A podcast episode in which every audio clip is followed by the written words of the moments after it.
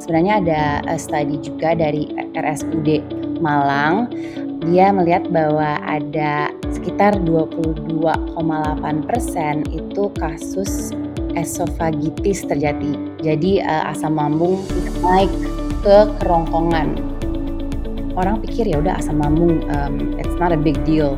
Tapi sebenarnya it really affects their quality of life karena mereka nggak tidur yang baik, sesak nafas, dan itu kan kalau terjadi all the time, and that will affect your health towards the long term.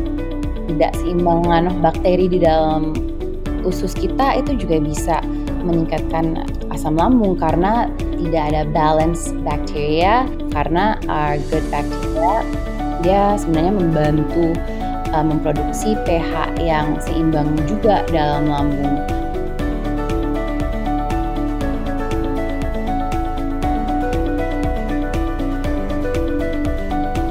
Halo semuanya, selamat datang lagi di podcast Sehat Seutuhnya season yang kedua bersama saya Willy Yonas. Hari ini kita bakal ngobrolin soal hubungan kesehatan usus dan kesehatan kita yang lain. Uh, mungkin teman-teman udah pernah dengar gitu ya statement you are what you eat. Dan statement ini bakal kita mungkin uji atau kita bakal ngobrol bahas bareng-bareng di episode podcast kali ini kayak bener nggak sih you are what you eat gitu kan? Uh, bisa nggak sih kesehatan seseorang itu dinilai dari kesehatan usus mereka? Karena dari apa yang kita makan kan semuanya lewat pasti lewat organ-organ pencernaan kita termasuk usus gitu kan? Dari lambung usus halus usus besar. Dan kira-kira tandanya apa nih mungkin yang seseorang rasakan atau seseorang alami? Dan apakah itu bisa menjadi tanda yang kita lihat oh uh, ini ada sesuatu nih di ususnya dan mungkin pola makannya harus dibenerin. Nah bersama kita hari ini sudah ada narasumber yang dikenal di Instagram uh, itu sebagai sehat.ala.rachel ya. Uh, nama lengkapnya Rachel Olsen, sekarang adalah Head Nutrition Specialist di UFIT. Uh, sekarang ini influencer gizi juga, konten-konten Instagramnya sangat-sangat informatif. Teman-teman bisa langsung follow Instagramnya. Nanti kita juga taruh uh, Instagramnya di description uh, di description dari podcast ini ya.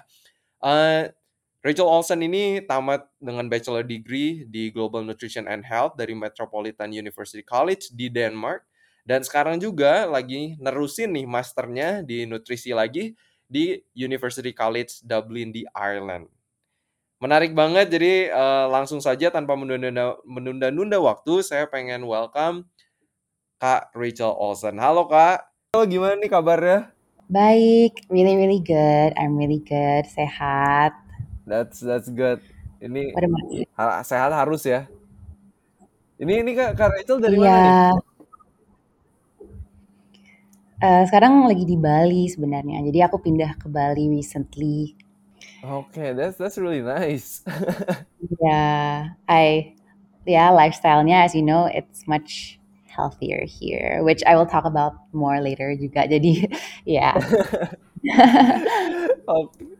Awesome, awesome. Excited banget nih, uh, Kak Rachel. Thank you banget waktunya udah bersedia sharing di podcast Sehat Seutuhnya.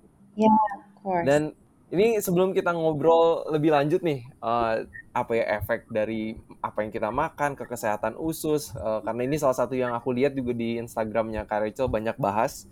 Uh, tapi first of all, apa sih yang membawa Kak Rachel ini sebenarnya pertama ke ke field of nutrition? Iya. Apakah ada personal background story atau gimana nih? Ada ada, aku ceritain ya. Jadi sure. uh, aku tuh dari dulu dari kecil sebenarnya sebenarnya itu udah tertarik sama kesehatan. Jadi hmm. uh, dari kecil setiap kali ada yang nanya misalnya mau jadi apa, itu aku selalu pasti bilang mau jadi dokter. Uh-huh. Um, tapi makin kayak besar aku sadari um, oh aku nggak begitu suka uh, the hospital environment. Jadi pas umur hmm. 13 14 sering ke rumah sakit, I don't really like being um, I don't like the smell um, dan nggak nyaman aja di di rumah sakit environment. Uh, terus hmm. waktu ya udah um, that was uh, waktu masih muda banget jadi ya udah uh, still a long way to go to discover aku mau ngapain. Dan hmm. in high school aku really interested in kayak kimia and science. Jadi I took the science pathway. Terus um, mulai tuh aku uh, kayak peduli dan mikirin oh ini makanan kalorinya berapa ya? Terus um, hmm. what is it good for? Jadi aku uh, lumayan curious tentang makanan efeknya apa ke dalam tubuh kita dan lain-lain. Jadi dari situ awalnya interest about nutritionnya dari situ. Terus uh, hmm. dan untungnya my parents always supported me and what I like to do. Jadi mereka yang bukan they weren't like oh harus jadi dokter. Oh oke okay, harus uh -huh, jadi psikolog. Uh -huh mereka nggak kayak gitu. So they let me like find my passion dulu sendiri. Jadi after high school aku pindah ke Denmark and I did like boarding school uh, belum langsung ke university just a boarding school where uh, I, I did hmm. some classes I did some classes untuk cari tahu aku suka apa eh terus dari situ I found out oh I really like nutrition uh, sering baca sendiri beci, uh, hmm. beli buku sendiri terus ya udah deh uh, I'll try to search eh terus ada nutrition um, degree di Denmark, and then ya udah uh -huh. aku belajar tentang nutrisi selama empat tahun waktu itu di Denmark. And ya dari situ aku suka banget, and yeah, I, I didn't regret it at all because it's so useful, so so hmm. so useful for everyone ya kan nutrisi itu kayak sesuatu yang semua orang bisa bermanfaat dengan right Kan ya. Karena so, semua ya, orang makan gitu kan.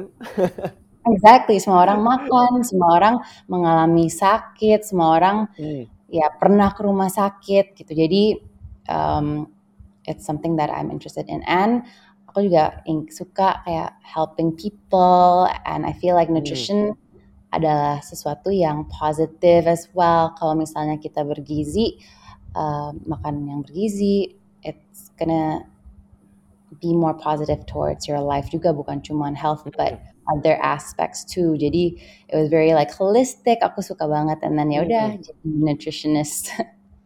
that that that's awesome sih keren keren. Uh, karena aku bisa lihat juga gitu apa yang uh, uh, Rachel lakuin di Instagram gitu kan kayak uh, I can see that you are passionate with what you are doing gitu.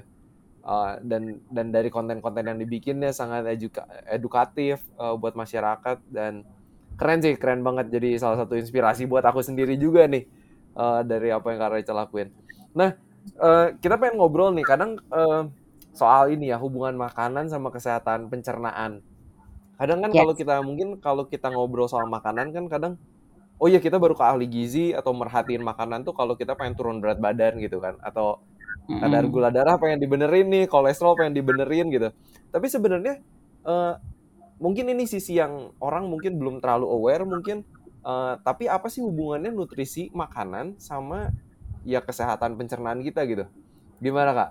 Ya ya jadi yang the first statement yang kamu bilang biasanya tujuan utama untuk kayak mengatur pola makan adalah untuk berat badan ya kan that's usually the right. first that people think kayak kita pengen uh, menurunkan berat badan biar lebih fit, biar um, muscular or biar nggak obesitas dan lain-lain. And it's hmm. okay sebenarnya. That's that's okay karena um, emang menurunkan berat badan kan sesuatu yang kalau misalnya udah obesitas nih menurunkan berat badan itu it's also very positive. So mm. it's um, it is a good thing to do that. Um, mm. Tapi um, kalau misalnya kita makin um, tua and as we grow older we're uh, aging ya kan dan organ-organ tubuh itu juga sama um, fungsinya akan berkurang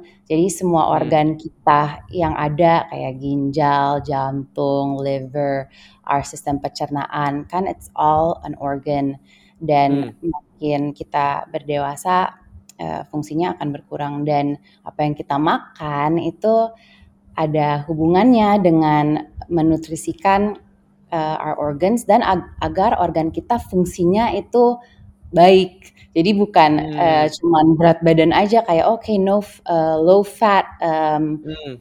kadar uh, lemak yang rendah di dalam tubuh. Uh, sometimes people only focus on that and they only know about that. Tapi mereka right nggak begitu fokus dengan um, kesehatan usus dan lain-lain gitu. Oke okay, oke. Okay. Nah ini semoga buat teman-teman yang lagi ngedengar podcast mulai mungkin ada sudut pandang baru nih atau wawasan baru ya bahwa uh, apa yang kita makan ini juga bisa mempengaruhi organ-organ yang lain, kesehatan kita yang lainnya, uh, terutama juga organ pencernaan gitu ya. Nah kak ini kalau yang Kak Rahel lihat gitu ya, mungkin kayak dari lingkungan uh, Kak Rachel sendiri, di tempat kerja, di orang-orang yang hidup sekitar kakak gitu ya, uh, pencernaan masalah pencernaan yang paling umum, yang paling sering dijumpai, uh, itu kira-kira apa sih Kak? Yang berhubungan dengan nutrisi gitu? Iya, nah um, di Indonesia, as you know, kita tuh negara yang sebenarnya banyak banget orang yang mengalami masalah sama lambung. Pasti pernah hmm. dengar ya kan, aduh ada orang sekitar kita yang kita tahu pasti punya asam lambung, bener nggak? Hmm. Yeah. Do you know, do you know um, orang tua atau teman-teman yang punya. Kalau aku banyak banget. Malah aku sendiri punya asam lambung juga yang parah banget dulu um, waktu high school. And okay. um, kalau kita lihat ada sebenarnya ada study juga dari RSUI uh, eh, RSUD Malang uh, dan dia melihat bahwa ada sekitar 22,8 persen itu kasus esofagitis terjadi. Jadi uh, asam lambung hmm. yang naik ke kerongkongan. Jadi our esophagus hmm. itu lumayan banyak orang yang mengalami ini.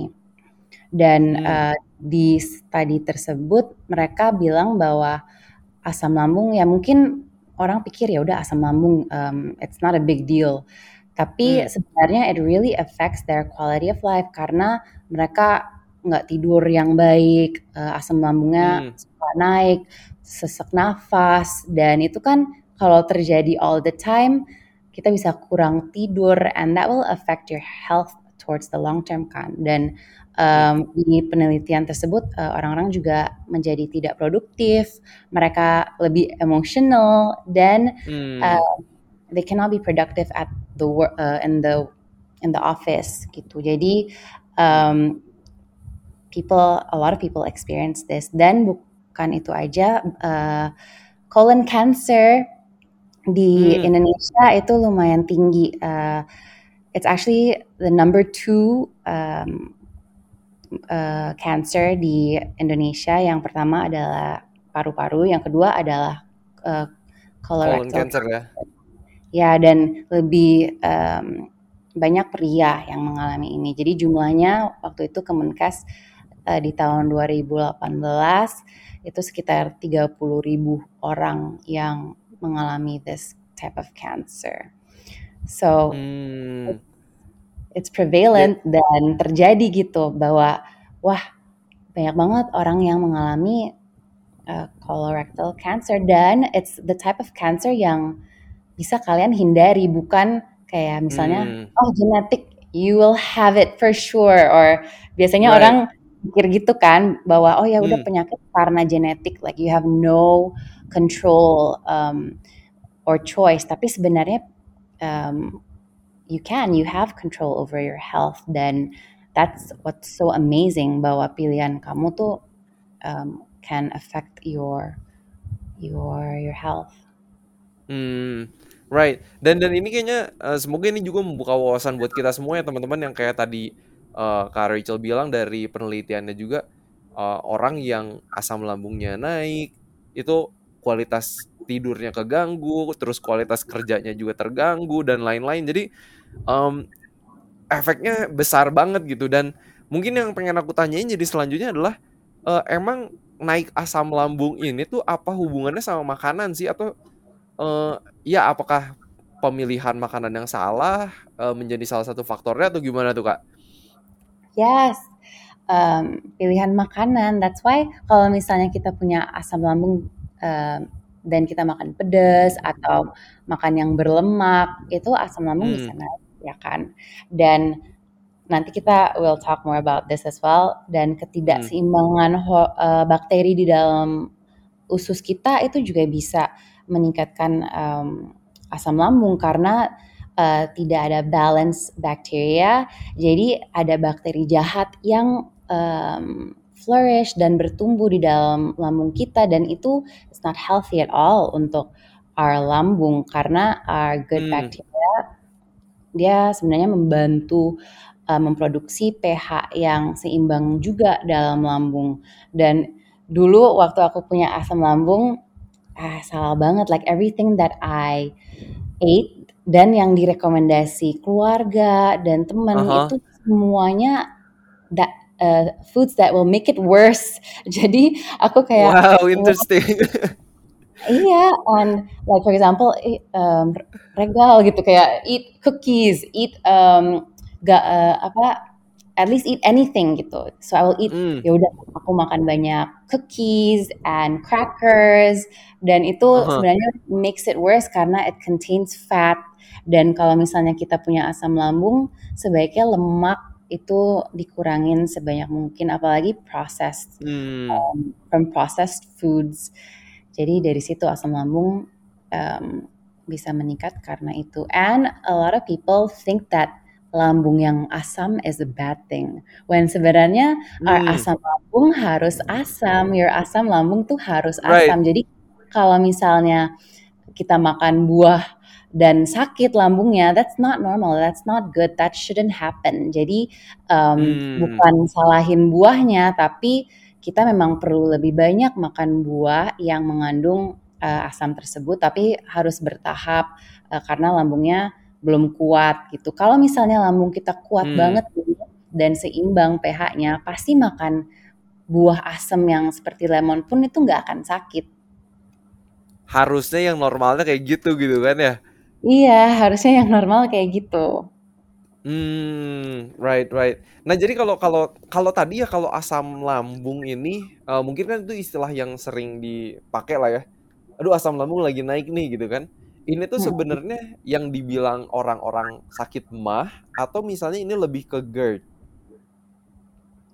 Ya, jadi kalau misalnya asam lambungnya naik ke atas itu dan kita feel like chest pain atau sesak hmm. nafas, yaitu artinya ada uh, reflux di mana katup katup lambung kita itu yang harusnya tutup kalau kita makan dia tuh tetap kebuka. Jadi asam lambung di dalam um, our stomach itu bisa ke atas dan dia hmm. esophagus jadi kita rasa panas dan sakit dan itu namanya GERD. Kalau mah beda, kalau mah um, sudah ada bakteri yang namanya H. pylori yang sudah um, kayak hurt and kayak meluka dinding lambung. Jadi hmm. memang beda, uh, memang sudah lumayan uh, lebih parah gitu kalau udah hmm. punya mah gitu. Cuman okay, it also okay. has, it also has symptoms jadi, of jadi, asam lambung. Hmm, I see I see. Jadi jadi kalau misalnya ada seseorang yang ngerasa nih asam lambungnya naik, itu juga perlu dicek kali ya. Ini ini kayak GERD atau MAH atau atau apa kali ya? Iya, benar.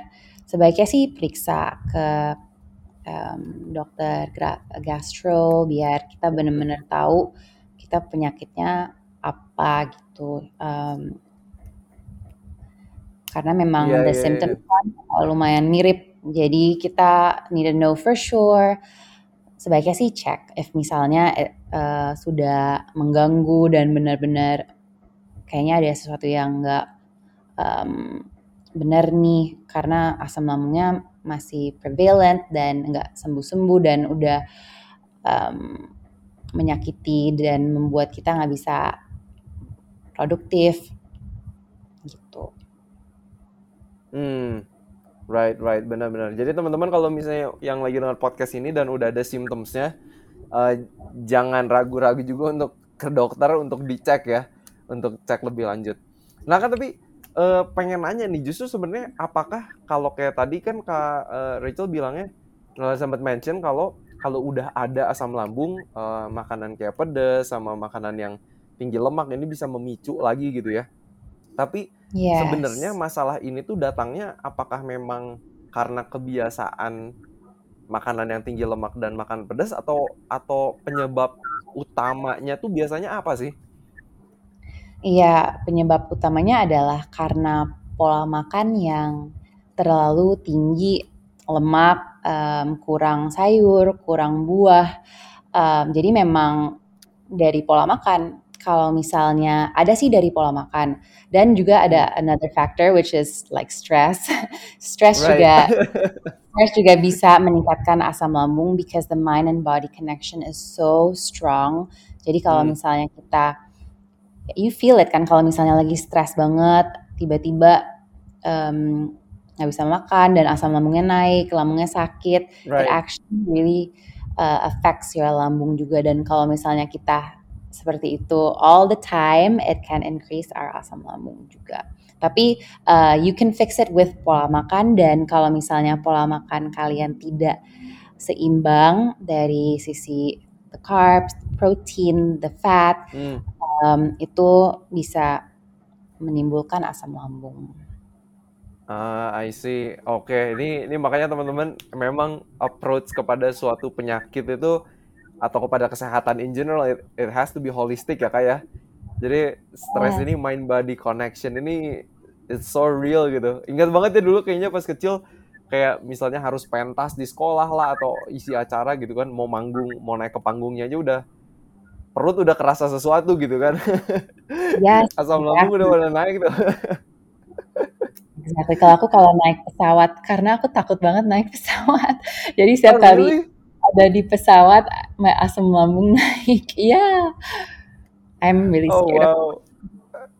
Oke, okay, oke, okay, menarik ya. Ini teman-teman perlu juga nih identify kira-kira apa yang bisa pikiran yang memi memicu ini juga ya, naiknya asam lambung.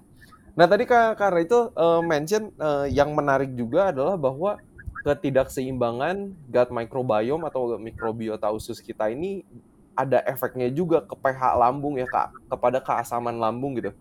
Nah itu gimana ceritanya tuh kak? Ya, karena our gut microbiome is so amazing, you know. Like hmm. sometimes when I read about it, then aku kayak, wow, it's so crazy.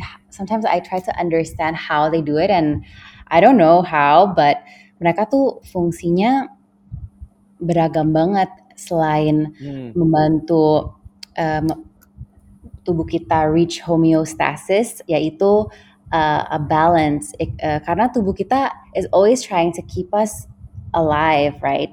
Jadi hmm. um, our cells and the bakteri baik dia fungsinya adalah untuk itu. Jadi selain membantu sistem imun, uh, sistem imun kita, so they like communicate with our cells biar tubuh kita hmm. tuh sehat, biar bisa mencerna makanan, biar bisa melawan pathogen biar um, the nutrients from our food itu beneran keserap karena kalau misalnya like okay uh, contoh kita buy supplements for example buy supplements hmm. untuk sehat dan kita minum setiap hari gitu tapi your bakteri di dalam usus nggak bisa mencerna makanan itu karena it's not um, even doing its job karena memang kebanyakan bakteri yang jahat yang fungsinya nggak untuk menyerap the nutrients. Jadi sama aja hmm. bohong. You're wasting a lot of money because um, you cannot even absorb the food that you're eating. Jadi um, itu salah satu reason kenapa kesehatan usus sangat penting karena you you're not hmm. what you eat, you're actually what you absorb. Kalau misalnya makan apel hmm. tapi di dalamnya nggak bisa kita dapatkan, then it's not uh, going to be healthy, right? Iya iya iya iya iya. I, I like I like what you said. Uh, apa we are what we are what we absorb gitu. Karena kalau cuma yeah. makan tapi nggak keserap, ya sama aja bohong gitu kan. exactly. Kayak oh udah makan apel nih, sehat gitu. Ya, tapi di dalam ususnya apel nya beneran keserap dengan optimal atau enggak. Kalau enggak, ya it's not gonna be as healthy as you think it is. So that's really important. Hmm, I see. Dan kayaknya yang yang selalu bikin aku kagum dengan uh, badan manusia tuh kayak kalau mempelajari gut microbiome maksudnya jumlah mereka tuh lebih banyak daripada sel tubuh kita sendiri gitu kan. Jadi yes. ini tuh kita yang dikontrol sama gut microbiome atau kita yang kontrol mereka nih gitu. yes, kayak ada trillion trillion of gut microbiome di dalam lambung and in our body it's pretty crazy dan um, it's really amazing that they're our friend you know? Kayak mereka mau kita hidup. They want us to be healthy. They want us to be um, kayak tanpa penyakit sama sekali. So we should Hmm. help them. We should support them dengan our food choices. Karena they're trying to help us. So we need to be kind to them. That's right, bener-bener. Dan tadi yang eh, yang aku pengen tanya, eh, karena ketidakseimbangan gut microbiome ini mempengaruhi keasaman lambung. Nah ini kira-kira apa yang kita bisa lakukan nih? Gimana caranya kita harus makan kayak apa supaya eh, gut microbiome ini komposisinya balance lagi dan keasam lambung kita juga oke gitu. Kira-kira gimana kak? ya jadi dari pilihan makanan actually from the food Hmm. choices yang kita makan setiap hari itu perlu um, yang mendukung our uh, our gut microbiome and uh, I, uh, recently I've actually been doing kayak hashtag 30 plants a week Aha, di aha. Instagram and a lot of people are doing this karena um, it's easy and kayak biasanya kalau kita lagi diet and you're trying to kayak ya udah ren- rendah kalori ya Aha. udah um, hitung kalori um, bener pantangi ini pantangi itu. It's so hard kadang-kadang and then you give up. Tapi kalau kita coba aja untuk meningkatkan keragaman uh, tumbuh-tumbuhan it's so much easier it's funner. Kalian gak usah hitung calories but you will see the benefit. Karena bakteri di dalam Hmm. kita itu makan uh, serat. Jadi uh, the good bacteria di dalam lambung kita um, it's called probiotics. Mungkin teman-teman pernah dengar ya kan tentang Hmm. probiotics. Uh, probiotics adalah the good bacteria di dalam lambung kita. Nah, tapi um, and it's also uh, I need to mention bahwa juga ada di fermented foods. Jadi kayak Hmm. tempe, kimchi, uh, tape, pokoknya Right. makanan yang difermentasi itu mengandung bakteri baik. So if we can eat Hmm. at least um, one type of uh, fermented food every day, itu bisa increase our gut bacteria. Tapi percuma kalau Hmm. misalnya kita makan fermented foods and we don't give them food karena the probiotics, the bacteria mereka hidup dengan Mhm. makanan juga and the food that they eat is serat gitu. Hmm. And um, yeah, me you first. ma- ma- makanya di challenge ini ya 30 plants per week ya. Yes. Uh, jadi kalau misalnya kita bisa reach 30, j- kayak misalnya um, aku kasih contoh like broccoli, terus Hmm. carrot, terus tempe, tahu, and rempah-rempah juga bisa. Kayak misalnya kalian Hmm. makan um, kunyit, cinnamon, matcha misalnya itu juga bisa dihitung. Hmm. Dan kalau kalian bisa at least 30 tumbuh-tumbuhan dalam satu hari, it will really help your gut microbiome karena di dalam um, gut microbiome kita bakterinya banyak dan dia berbeda dan makan different Hmm. types of fiber too. Jadi bukan artinya ya udah makan pisang aja setiap hari gitu. Um, Hmm. it's better kalau misalnya kita makannya itu bervariatif. Jadi ada pisang, ada apel, terus mungkin ada dari kacang-kacangan juga, ada sayuran hijau juga. So all the serat itu bisa dimakan the different types of uh, bakteria yang ada di dalam our lambung. Hmm, oke, interesting. Ini menarik ya. Jadi buat teman-teman yang lagi dengar podcast ini di challenge ikut di challenge juga nih untuk 30 plants per week. Per week ya, bukan per day ya. Per week, oh per day will be Per really week. hard. Tapi kalau kalau week. 30 30 eh, macam dalam satu minggu harusnya nggak susah ya. Kayaknya kalau No, maksudnya rem- rempah-rempah aja dihitung gitu kan, bawang putih, ada yeah. bawang merah. I think it's easy to get it. Yes, it's easy. Cuman what I notice when uh, aku ikutin itu kadang-kadang I eat the same food um, often. Kayak misalnya uh, kalau misalnya di rumah masak what I eat for lunch itu I'll eat again for dinner. Jadi sama gitu. So um, hmm. so that's the homework to try to uh, be able to bervariasikan dan mungkin ditambahin hmm. sesuatu yang berbeda karena you tend to eat the same foods apalagi kalau misalnya kita picky with our food right atau sibuk nih yes sibuk dan malas mikir gitu. Ya udah makan yang aja. Right right right. Tapi aku ada ngelihat salah satu postnya kak Rachel uh, makanan-makanan yang kakak makan di satu minggu gitu. Salah satunya ada sayur asam pakai tempe ada nasinya. Dan kayaknya makan sayur asam aja tuh variasi makanan nabatinya udah ada berapa macam gitu kan di situ. Dan yes. itu ya satu cara untuk mendapatkan diversity of plants dengan gampang gitu ya yes dan um, kalau misalnya kita makan yang lebih nabati like as in proteinnya diganti ke tahu ke ke chickpeas ke hmm. uh, red bean itu akan lebih banyak serat yang kita bisa dapat dalam satu hari karena uh, animal protein kan nggak mengandung serat sama sekali. Hmm. So I, I notice waktu I was lagi ikut the challenge dan aku kayak aduh I'll just order plant based food karena lebih gampang untuk uh, mencapai the 30 untuk mencapai 30 plants per weeknya itu ya. Ya.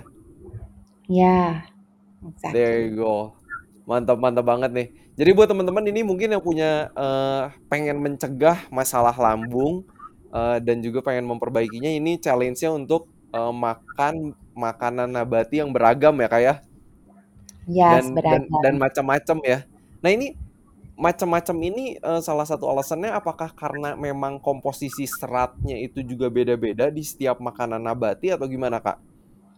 Yes, beda-beda um, karena as you can see fruits and vegetables dia warna-warni ya kan the colors. And uh, tipe serat juga di dalam the specific foods is also different. Jadi misalnya um, psyllium ya itu banyak di kacang-kacangan. Terus cellulose itu tipe fiber yang ada um, di sayuran hijau. Terus kalau nasi merah nasi merah seratnya namanya beda juga namanya lignin.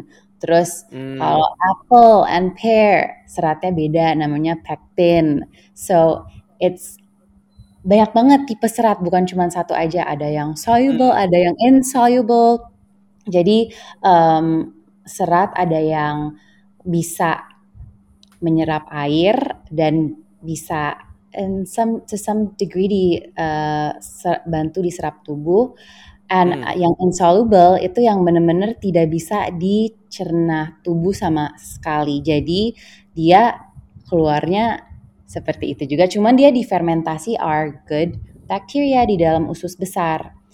Jadi hmm. that's one of the reasons kenapa uh, insoluble fiber itu juga sangat penting untuk kesehatan sistem pencernaan karena yang insoluble ini yang um, dapat memproduksi namanya short chain fatty acids. Kalau kalian belum hmm. tahu, it's a type of fatty acid. It's like a molecule yang sebenarnya it's food for our gut lining. Jadi sel-sel hmm. uh, the cells in our gut itu they thrive on this um, on this nutrient. Jadi kalau misalnya hmm. kita kita makan insoluble fiber, kita dapat these short chain fatty acids, the our usus itu akan lebih kuat dan the gut barrier karena our usus is like that's where all the food gets absorbed ya kan kayak semua mm, yes. makanan ya semua makanan yang kita konsumsi itu pasti will interact with our usus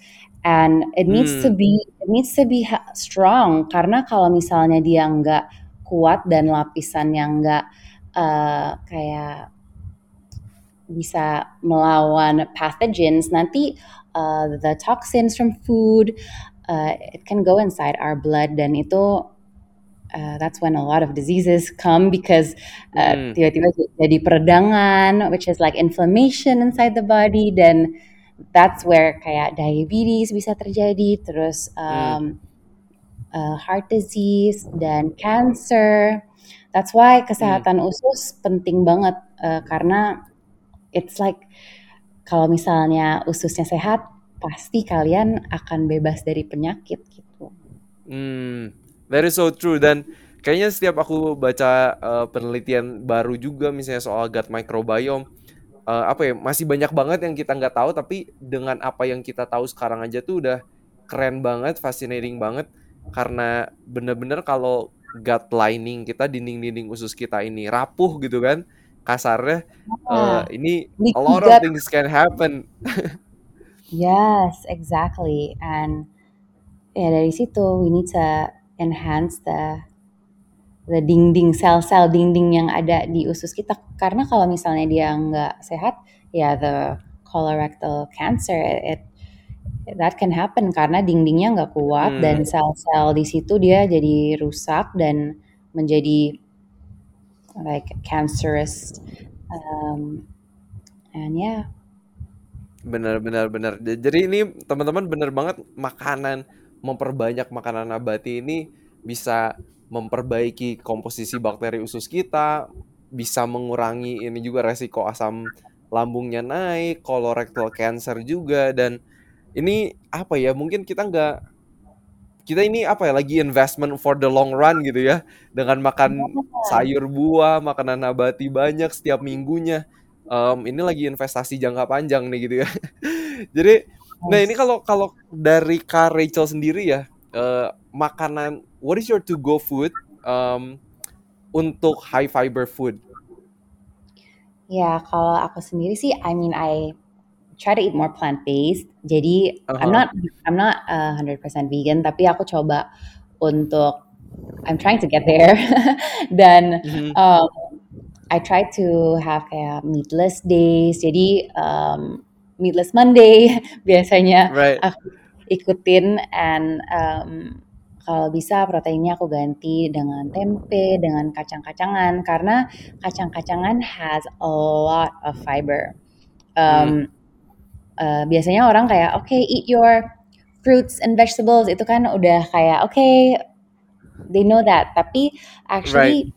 Uh, kacang-kacangan dan polong-polongan itu mengandung serat yang lebih tinggi dari mm-hmm. uh, buah dan sayur. Malah if we're only relying on buah and sayur for fiber, kita akan susah to meet the recommended amount karena That's so um, true. buah dan sayur maybe only have like uh, grams of fiber per portion. Kalau kacang-kacangan, it has like 15, almost 20 yeah. sometimes. And that makes it so much easier untuk reaching your fiber um, recommendation karena the recommended mm. amount is also kayak sekitar 28 sampai 35 gram per hari. Mm. So can you imagine 38 grams per day and kalian cuma makan satu porsi. Um, pisang and you can only get four. So it's like uh-huh. what? that's why Tapi kalau makannya kidney beans yeah. atau kacang merah, kacang hijau, um, tempe, we we get a lot already gitu kan? Yes, exactly. Uh, kacang-kacangan, uh, nuts as well. Nuts juga lumayan hmm. tuh fibernya, and also uh, alpukat. Alpukat has like 10 grams of fiber. Terus hmm. um, kacang ijo, kacang ijo has a lot of fiber juga kayak 100 gram has like 20. So satu porsi it, it can contain like 15 grams of fiber. Hmm. So ya kalau bisa sih lebih beragam semuanya. Jadi we're eating from each food group bukan cuma satu aja kayak misalnya cuman nuts aja tapi semuanya hmm. dari those specific food food groups kita juga konsumsi apalagi if we're vegan ya cause kalau misalnya kita vegan harus lebih diperhatikan the the protein and the zat hmm. besi dan that's where we get it banyak banget orang yang ikutin pola makan nabati they end up kayak sakit atau hmm. um, low of energy karena mereka nggak pilih makanan yang um, yang diperlukan karena you You can hmm. you can do any diet kalau misalnya dijalanin nggak benar pasti dampaknya will be negative. Jadi sebelum mengikuti atau mengubah pola makan, you need to like educate yourself first. Oke, okay, kalau misalnya yeah. aku ikutin nutrisinya tepat atau enggak. Uh, lebih bagus hmm. if you go to a nutritionist. Jadi um, kalian nggak akan kayak kena gak bingung sendiri lah ya. iya, iya exactly. Bener-bener mereka udah sekolah ahli gizi gitu kan, ya kenapa nggak minta pertolongan mereka aja gitu? Bener-bener. That that is so true. Uh, I'm a big fan of legumes, kacang-kacangan, uh, polong-polongan gitu kan karena uh, ya kalau kita makannya towards plant based diet atau vegan kan uh, itu dapat protein dari situ dan lain-lain. Jadi penting banget, seratnya banyak banget lagi juga. Nah, Karahel uh, mungkin um, kira-kira kalau misalnya orang yang uh, sebelumnya nih belum makan makanan nabati sebanyak ini gitu ya uh, 30 plants a week gitu ya. Terus tiba-tiba uh, mereka jadi gassy nih uh, karena terlalu banyak makan fiber. Uh, nah ini kira-kira ada tipsnya gimana nih untuk melewati masa ini gitu? Yes, itu happens so often and bukan artinya we have to avoid um, fiber ya kan. Uh, hmm. Biasanya it's always like oh you ate beans nanti you're gonna be bloated gitu-gitu. Iya yeah, iya. Yeah um, it happens yes kalau misalnya kebanyakan fiber dan bakteri di uh, usus kalian nggak nggak um, terbiasa untuk mencerna hmm. fiber and to ferment it jadi um, pasti bisa bloated but bukan artinya oke okay, no we, we should avoid fiber tapi memang hmm. perlu bertahap jadi um, mungkin awalnya yang nggak pernah makan fiber at all kita mulai dari misalnya uh, let's say from zero grams to 10 uh-huh. grams and then hmm. naik lagi 15 jadi the, uh, slowly slowly uh, bit by bit dinaikin uh, every week so hmm. the the bakteri dalam usus biar terbiasa dulu nih untuk mencerna serat kalau misalnya dia udah wow it's uh, familiar with this fiber dia akan uh, uh, lebih friendly lah ya, lebih lebih friendly ya.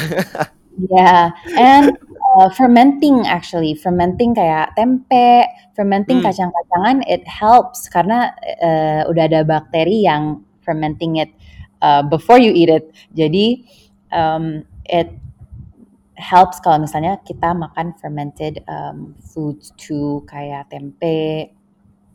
Hmm Sebenarnya kacang-kacangan juga bisa di ferment, you know, like other kacang-kacangan. Cuman it's just not common to do so. I really hope yeah.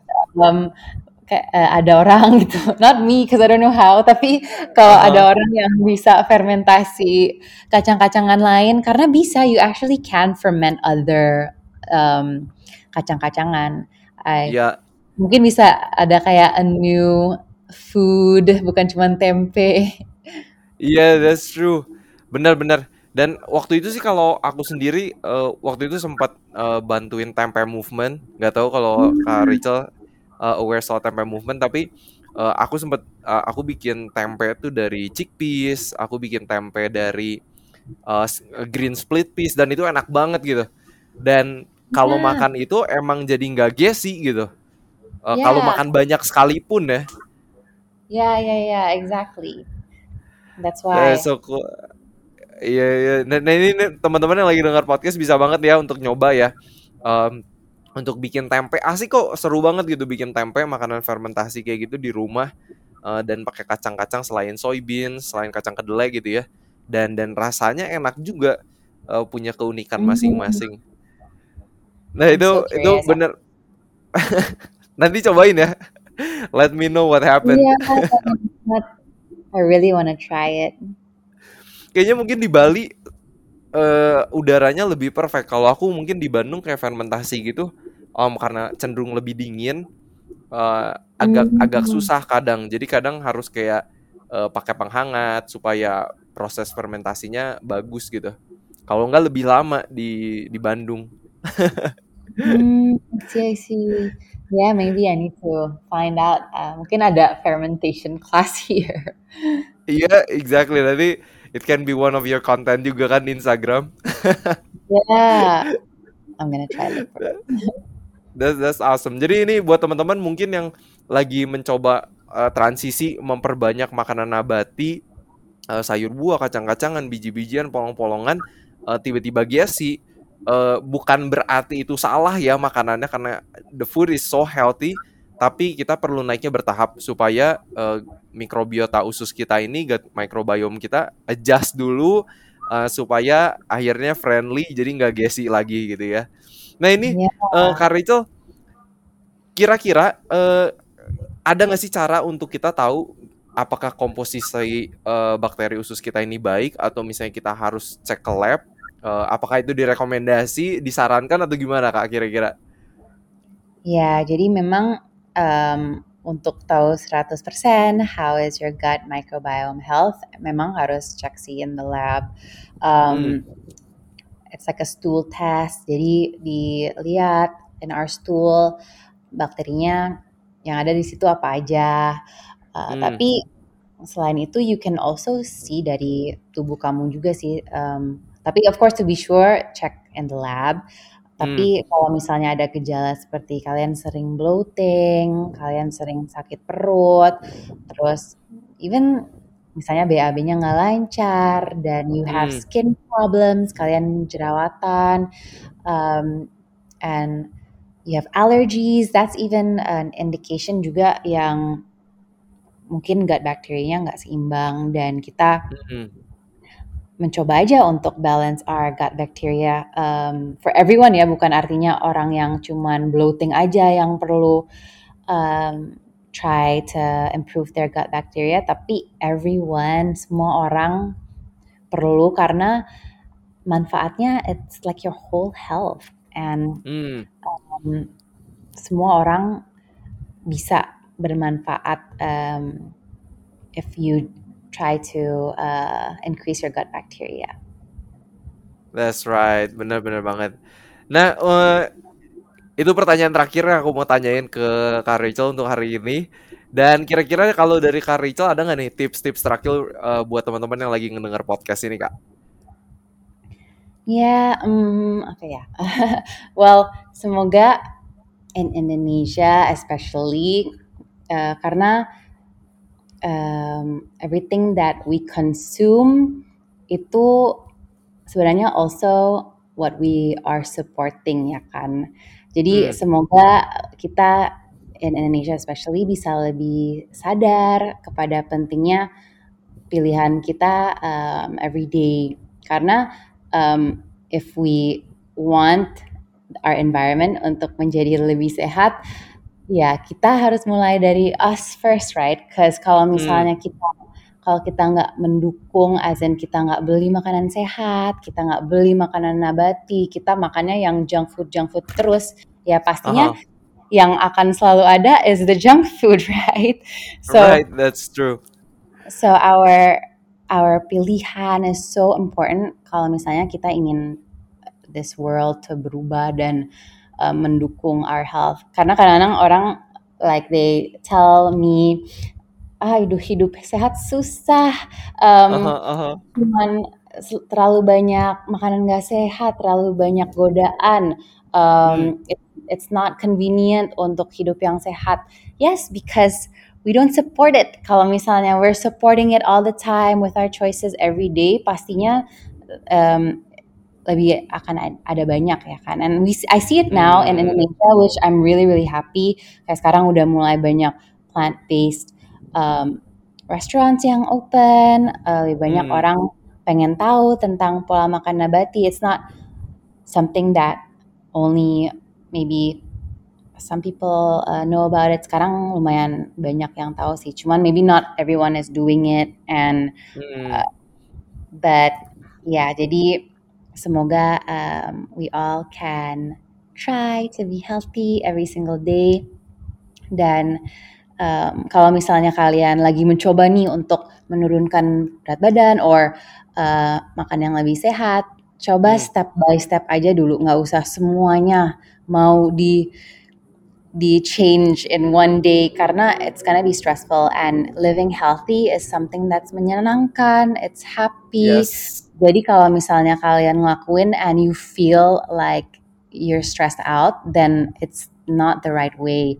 Kalian hmm. perlu coba pelan-pelan aja dulu. And once you feel the benefit and you see it too, you see it too, you feel it too, pasti you'll be more motivated to do it. Jadi uh, coba untuk just start slow, kayak misalnya sarapan sehat dulu, terus hmm. kemudian once that becomes a habit, you can okay start cooking maybe, start making your own food, start buying uh, plant-based um, uh, recipes gitu, and then hmm. yeah, my my pesan adalah itu untuk teman-teman hari ini yang uh, dengar. Oke, okay. Awesome, keren banget. Ini pesan-pesannya teman-teman yang uh, selalu aku harapkan adalah semoga yang teman-teman belajar dari podcast ini bukan cuma jadi knowledge aja, tapi put it to practice. Uh, aku suka banget, setuju banget sama yang Kak Rachel bilang bahwa hidup sehat, healthy living ini, healthy lifestyle itu something that has to be fun something enjoyable bukan kayak wah kamu harus kayak gini gini gitu ya uh, but something fun something enjoyable dan it's like a journey gitu ya perjalanan kita kepada kehidupan yang lebih baik dan enjoy aja uh, every step of the way gitu Kak Rachel, thank you so much uh, atas waktunya dan kira-kira teman-teman bisa nemuin Kak Rachel di mana sih di Instagram? Yes, pastinya um, di at sehat ala Rachel aku sering banget posting tentang kesehatan di situ. Jadi um, if you guys wanna even ask me questions, aku sering banget buka-buka my DM and I answer you guys. Uh, jadi please join the healthy community and um, yeah, just support each other as well. That's awesome. Oke. Okay. Teman-teman seperti biasa, kalau gitu harapan saya semoga kita sehat seutuhnya.